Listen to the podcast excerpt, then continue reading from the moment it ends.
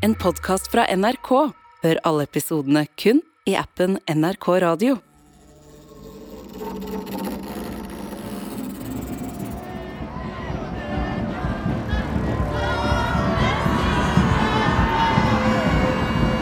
Altså, vi synger jo ikke alle versene i nasjonalsangen. Jeg vet jo det. Det er første verset og siste verset og nest siste verset som bruker å gjelde. Vi har jo ikke eh, hele dagen på oss heller. Men lell, men lell. Dersom at det, hvis om at det, du noen gang skulle finne på å befinne deg på en plass hvor de er så crazy at de synger alle åtte versene, da kan du nå ikke skylde på meg om du ikke har peiling på hvem de kongene som blir nevnt er. Hvem var de? Hva gjorde de? Hvorfor er de med? La meg få øse av mitt overflødighetshorn.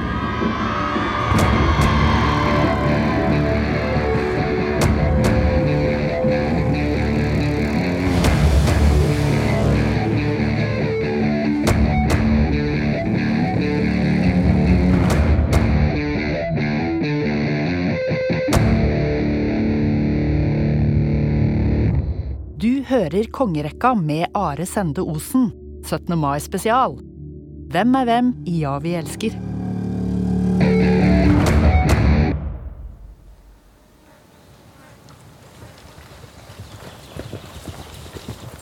Det er i det andre verset av nasjonalsangen da, at eh, det er noen konger som begynner å trille fram.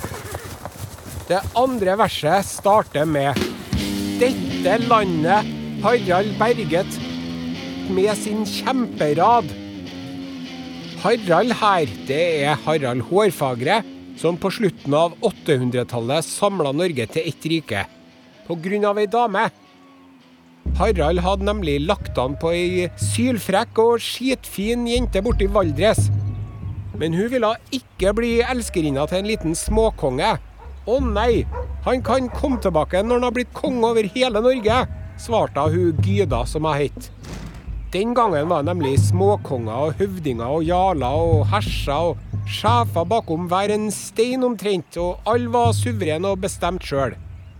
Harald sa det er jammen greit, ja, det skal jeg gjøre. Og jeg lover herved at jeg ikke skal klippe eller kjemme verken hår eller skjegg før jeg har samla Norge eller daua i forsøket. Da benytta Harald Hårfagre seg av noe som har blitt kalt eh, salamimetoden. Det går ut på at du spiser ei skive i slengen istedenfor å stappe hele pølsa inn i svelget med en gang. Så Harald Hårfagre slo i hjel en småkonge her, jaga bort en høvding der, mordbranndrept en småkonge der og fikk overtalt en jarl til å bli med på laget sitt eh, borti der. Han for hardt fram. Harald landet berget med sin kjemperad.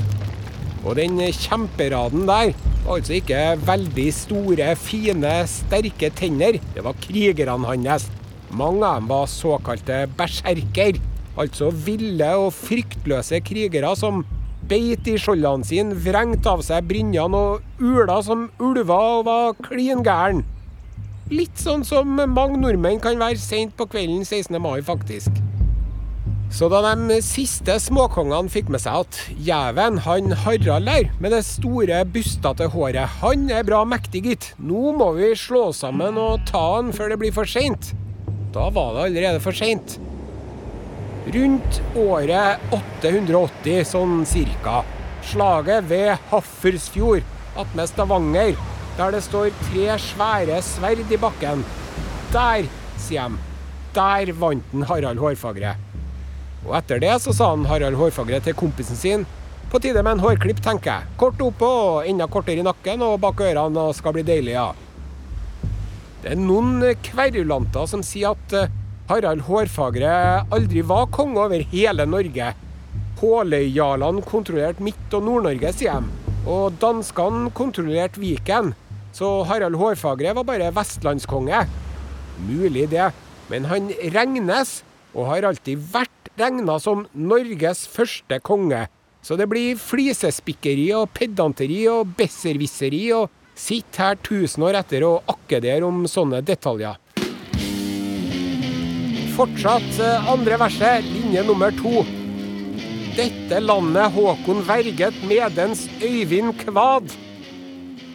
Her er det to navn som nevnes, Håkon og Øyvind, og Håkon er kongen. Men hvem fanken er han Øyvind der, da? Jo, Øyvind, bare å få det ut av verden først som sist. Ikke konge, men kongens skald. Han Øyvind Skaldespiller, som de kalte han. Han var direktereporter, PR-ansvarlig og rapper. Han fortalte på vers om hvor barsk og tøff og modig kongen var, og om alle slagene han vant og sånt. Men skalden var faktisk veldig pålitelig. Visst smurte han på litt om kongens bragder, men hvis han overdrev for mye, da ble det frekt. Ironi. Er ikke det bra nok det kongen faktisk har utretta, liksom? Så dere skaldekvadene kan man faktisk ta for god fisk. Og han Øyvind der, da. Han var den beste skalden som fantes. Han ødela for alle de andre. Så god var han. Så jeg tror at en Bjørnstjerne Bjørnson, som har skrevet 'Ja, vi elsker', jeg tror at han har med Øyvind her som et nikk fra en fremragende skall til en annen. Så Øyvind kvad mens Håkon landet berget. Håkon det er Norges tredje konge, Håkon den gode, yngste sønnen til en Harald Hårfagre. Ble født mens faren var oppe i 70-årene. Håkon ble sendt bort som liten gutt og ble fostra opp hos den engelske kongen. Jeg liker å kalle Håkon for Tarzan i revers. Du vet Tarzan? Han vokste opp blant aper, og så måtte han tilbake til menneskene, sant? Håkon den gode vokste opp blant siviliserte, kristne, lese- og skrivedyktige englendere. Og så måtte han tilbake til oss ville halvapene her på berget. Og forsøke å kristne oss. Ja, for han Håkon den gode, han var faktisk den første kristningskongen. Lett å se for seg en snill, myk, busserullkledd, gladkristen tensingsofting. Det var han Håkon den gode altså ikke. Han var skikkelig badass vikingkriger, som ofte vrengte av seg brynja når han skulle slåss. Ja, han gikk berserk. En gang så delte han en mann i to på langs med sverdet sitt. Hvem var han drev og berga landet fra, da, mon tro? Jo da, det var danskene som drev og angrep igjen og igjen og igjen. Vi går videre. Fortsatt på det andre verset. Tredje linje handler om en Olav den hellige. På det landet Olav malte korset med sitt blod. Ja, det var nå ikke bare sitt blod heller, det da. Det var veldig mange andre sitt blod også. Mest av andre sitt blod, faktisk. Det var ikke en landsdel han Olav ikke var innom og slo i hjel noen for å kristne landet. Han Olav dro i viking som tolvåring. Enn det, du. Jeg husker jeg syntes det var tøft å være på leirskole ei uke da jeg var tolv. Ja ja. Da for han omkring og herja og drept folk nede i Europa. Før han daua på Stiklestad og ble helgen. Mens han enda var i live, da kalte de han selvfølgelig ikke Olav den hellige. De kalte han Olav Digre. Noen mener at det her betyr at han var feit, men noen sier nei, det betyr det ikke. Det betyr at han var kjempesterk. Men jeg tenker at han kanskje var begge deler. Så jeg liker å se for meg Obelix når jeg tenker på en Olav den hellige. Uansett hva de kalte han, svenskekongen hata Olav så intenst at det var ikke lov å nevne navnet hans borte i Sverige. Hvis du måtte snakke om en Olav den hellige, og det var best å la være, da måtte du si 'den digre mannen'. Én ting til. Olav den hellige var B-menneske. Han likte ikke å stå opp tidlig. Det var ingen som ville vekk kongen om morgenen, for han ble så forbanna. Hellig Olav hadde ikke stilt opp på 17. mai-salut klokka sju om morgenen. Faktisk tror jeg at han hadde drevet og klikka på internett om hvor utrolig irriterende det er med korps og janitsjarmusikk utafor vinduet når han skulle ligge utpå. Siste linja på andre verset. Fra dets høye Sverre talte Roma midt imot. Litt artig linje for han Sverre Sigurdsson, konge på 1100-tallet. Han var ikke høy. Lang rygg og korte foter. eller eh, kort i lortfallet, som vi sier. Kongene den gangen skulle jo være høy og flott og kjekk og stor og sterk, mens Sverre altså var en liten hobbit. Men de måtte liksom si noe bra om utseendet hans òg, så da sa de at han så høy ut når han satt. Men dere fra det høye, da, det var kanskje at han var høyt oppe i borgen sin. Sverre bygde nemlig steinborger både i Trondheim og i Bergen, og det var nytt. Og så var han utstyrsfrik. Importert det beste fra Tyskland. Tysk stål i sverdene og spydene og stållua, og han hadde armbrøst og greier, og skulle ikke stå på det. Han Sverre, han vant slag av moderne utstyr som ingen andre hadde. Isbrodder. Han lille spretten kjempa i over 60 slag. Kong Sverre ble, i motsetning til alle de andre kongene i nasjonalsangen, aldri full.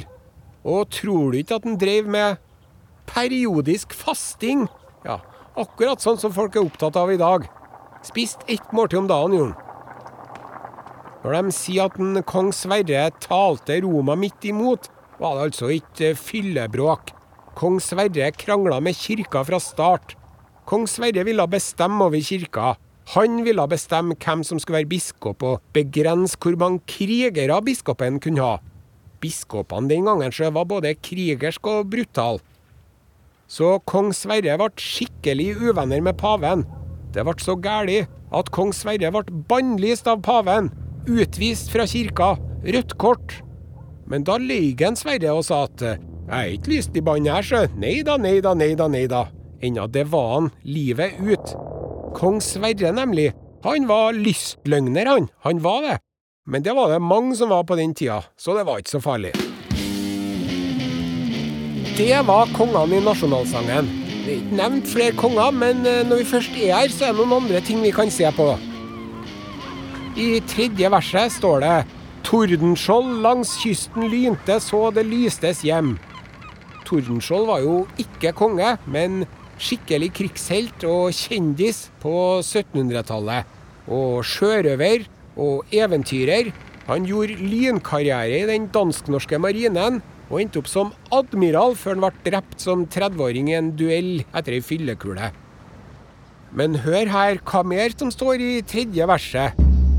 Kvinner selv sto opp og strede som de vare menn. Jaså, gitt. De var med å slåss, ja. Hm, det er notert, skal jeg skrive meg bak øret. I fjerde verset så står det Husker bare hva som hendte ned på Fredrikshald. Ja, det er bare å rekke opp hånda den som husker det. Saksopplysning og ikke allsang på grensen. Det er ikke at eh, senkveldkongen Harald Rønneberg ble født der i 1973. Nei, far. Det som skjedde ned på Fredrikshald, det var at haldenserne heller tente på byen sjøl. Under slaget ved Halden i 1716. Heller det enn å la svenskejæklerne erobre seg. En annen ting som skjedde nede ved Fredrikshall eh, to år etter. Da skjøt de den gærne svenske krigerkongen Karl 12. i hodet. Og kanskje var det en halvdanser som gjorde det. Og kanskje var det en svenske som var lei av krigen og ville hjem. Ingen som veit. Jeg er snart ferdig, men nå kommer vi til mer kjente linjer. Vers 7. Norske mann i hus og hytte. Ingen konger her heller, men så synger de Alt hva fedrene har kjempet, mødrene har grett. Jeg har jo alltid trodd at kvinnfolkene bare satt hjemme og sippa, men nå slo jo vi fast allerede i tredje verset at kvinnfolkene òg var med å slåss. Hva var det sto? Kvinner selv sto opp og strede som de vare menn. Så det at de eh, satt og skreik, kvinnfolkene, i hus og hytter, det var nok fordi pipa ikke ble innført i Norge før langt ut på 1600-1700-tallet. Før det var det veldig røykfullt inn.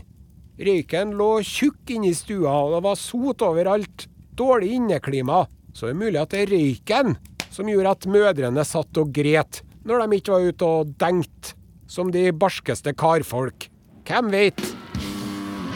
Uansett, om du gret eller ei, kjempe eller ikke, med eller uten pipe, med mye eller lite hår, lang rygg, kort rygg, lynkarriere eller ei, Om du har vokst opp i utlandet eller i innlandet, er A- eller B-menneske, hater korps, elsker korps, sitter i leilighet, telt, campingvogn, hus eller hytte, furet og eller værbitt. Gratulerer med dagen!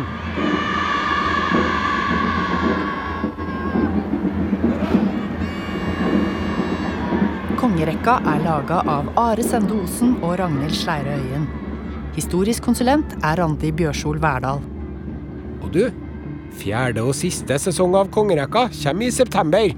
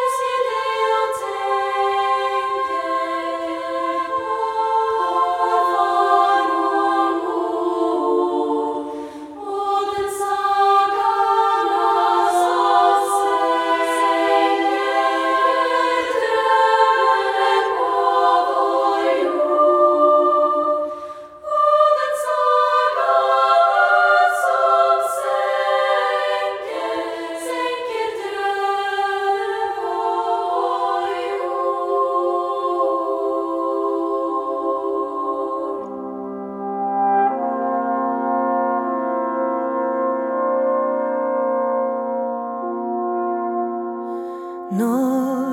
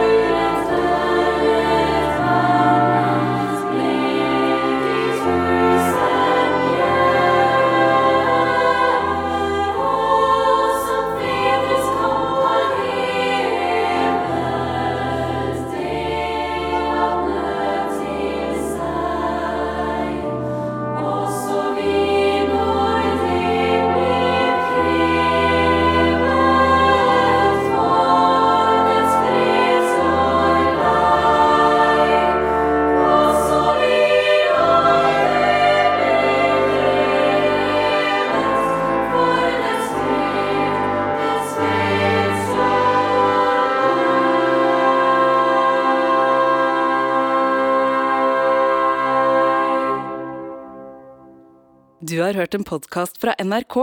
Hør alle episodene kun i appen NRK Radio.